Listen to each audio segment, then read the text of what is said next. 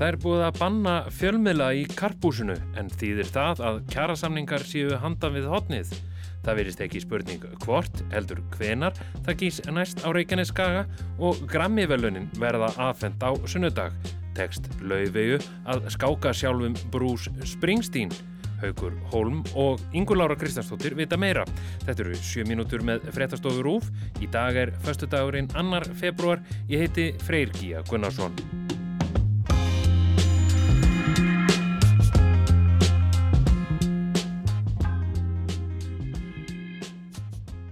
Kjara viðraður, þær eru nú oftar en ekki ofarlega í, í frettatímum. Þær viðraður sem fá mestu aðteklingna núna eru þessar viðraður millir breyðfylkingar stjættafélaga og, og samtaka atvinnulísins. Þessari deilu var nú vísa til ríkisáttasemira. Það kom ekkert sérstaklega mikið óvart. Nei, það kom alls ekki óvart og það má geta þess að samningafundir fram að því höfðu farið fram í húsnæði hjá ríkisáttasemira.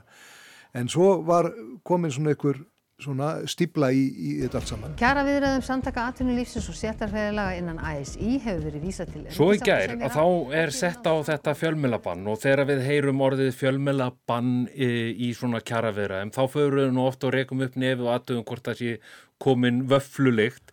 Eh, hefur við einhverja svo leiðist tilfinningu og af hverju er hann að setja svona fjölmjölabann á? Nei, ég finn enga vöflulikt alveg í ögnablikinu en fjölmiðlabann setur hann á, gerir ráð fyrir að því að þá eru viðræðunar, þá er eitthvað gangur í þeim, það eru á viðkvæmu stígi og hann vil bæði að samninganemndirnar bæði missi ekki fókusinn og það sem er kannski meira er að menn fari ekki að segja eitthvað í viðtölum sem að hleypir ítlu blóði í viðsemynduna og það gerir hann mæntalega að því að honum finnst staðan vera þannig að hún sé kannski brotætt en hún, hún sé í gangi og uh, þá taka menn ekki séns.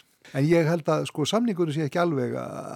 Það er ekki byrjað að prenta hann út? Nei og ég, eins og ég segi, það er ekki alveg vöflulikt en það kannski búið að kíkja í skapuna að þú sé ekki til rjómi og allt svoleiðis. Svona ólíkt fyrri kjara viðræðum að þá erum við með þessi mörgu stjættafélög saman í þessari breyðfylkingu og það hefur nú oft heyrst í, í fjölmjölum síðustu daga, það eru vorunin bundna við langtíma samning. Um hvað er fólk sammóla og, og hvað stendur nýfurinn í kunni? Mennur sammálu um það að semja til langstíma og þá verður að tala um þrjú, fjögur ár, jafnvel upp í fimm en þrjú, fjögur ár er það sem heyrist oftast. Og það sem er, báðir aðilar eru aðala sammálum er að það þurfa að ná verðbólgu og vöxtum niður, það sé mesta kjarabótin. Og þess, þessu átt að fylgja bara hóflegar kaupakanir í staðin því að kjörin myndu batna svo mikið við þetta, pluss það að fyrirtæki myndu halda aftur á sér í verðhækkunum, sveitafjölum með gjaldskráhækkanir, ríki með gjaldskráhækkanir sem og að ríki kom inn með alls konar hluti í þessu svo kallar tilfærslu kerfi sem eru batnabætur, húsnæðisbætur og alls konar soliðisbætur og það kjörin eigi að batna við það.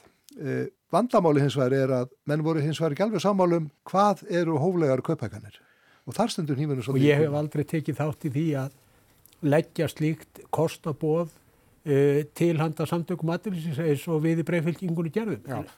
Ingur Lára, í gær þá leitt dagsins ljós nýtt hættumat og nú verðist þetta bara ekkit spurningu um hvort heldur bara hvenar og hvar uh, það gís í sjötta sinn á Reykjanes skaga eða, eða hvað? Mm -hmm, heldur betur. Það sem ég svona tek úr þessu nýjasta hættumatskorti er að Við erum komin á sveipaðan stað og fyrir rétt fyrir gósi 14. januar. Þess að eh, kvikumagnið er að ná sveipuðu rúmmáli og að fyrirvarin er stittri en síðast. Þannig að síðast að talaðu um að það voru svona 5 tímar því munið að klukkan 2-3 þá að byrja að rýma bæin og svo klukkan 8 er rétt fyrir 8 þá byrja gósið.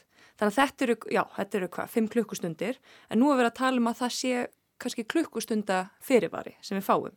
Sem er, hljómar kannski stutt með þetta en það er óskum vennjulegt með eldfjöll á Íslandi. Og ég minna eins og hérna, til eitthvað með heklu það er oftast bara einmitt 25 mínútur hálftími. En það sem annað sem ég eh, svona, tók eftir í þessu hættumatskorti frá viðurstofunni er að uh, sko það er, það er minni skjáltavirkni eða svona minni fyrirvæn út af því að við erum búin að sjá eldgóðsatna á sama svæðinu aftur og aftur þannig að kvekan mun kannski leita upp í sama stað sem kannski þýðir að við sjáum ekki einmitt jafn miklar reyfingar eða þessi merki sem við erum vöna að sjá fyrir. Jarðvegurinn, hann er búin að hristast svo mikið, hann er bara orðin svona hann er orðin svona lúsi-gúsi, hann Já. er bara svona einmitt svona tilbúin eða eitthvað svona, þannig að það er einmitt, þess vegna er svona stittri fyrirvara og ekki einn skýr merki og til dæmis fyrir fyrstu gósin það sem voru bara klálega mjög skýr merki og þau eru að skoða þetta svæði millir hérna Sílingafells og Hagafells sem er aðna siðst í, í sundnúkskíga röðinni og aðna nálagt svæðinu sem var þá hvað sunnan Hagafell sem var þá í janúar sem var þá mjög nálagt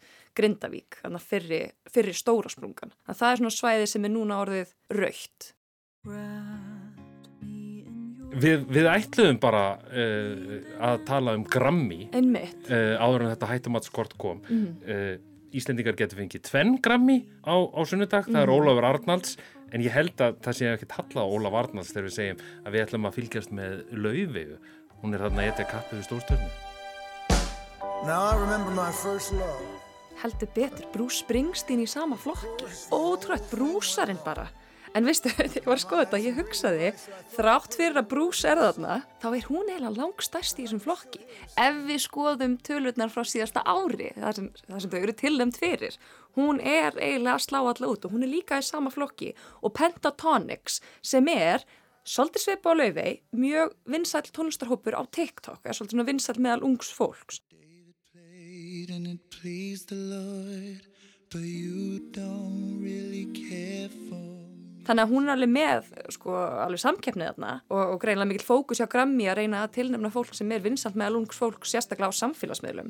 En ég er bara nokkuð von góð með löfi.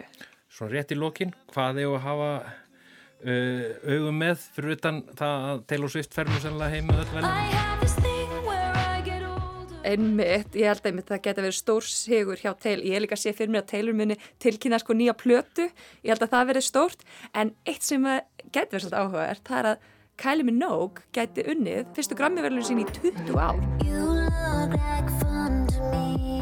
Hún hefur bara einu sinni unnið Grammy-verðlun og þá verið akkurat 20 árum. Og ég held að Kylie sé að fara að koma svolítið sterk inn með Padam Padam. Þetta voru sjö mínútur með fréttastofu Rúf. Næsti þáttur er á mánudag. Veriði sæl.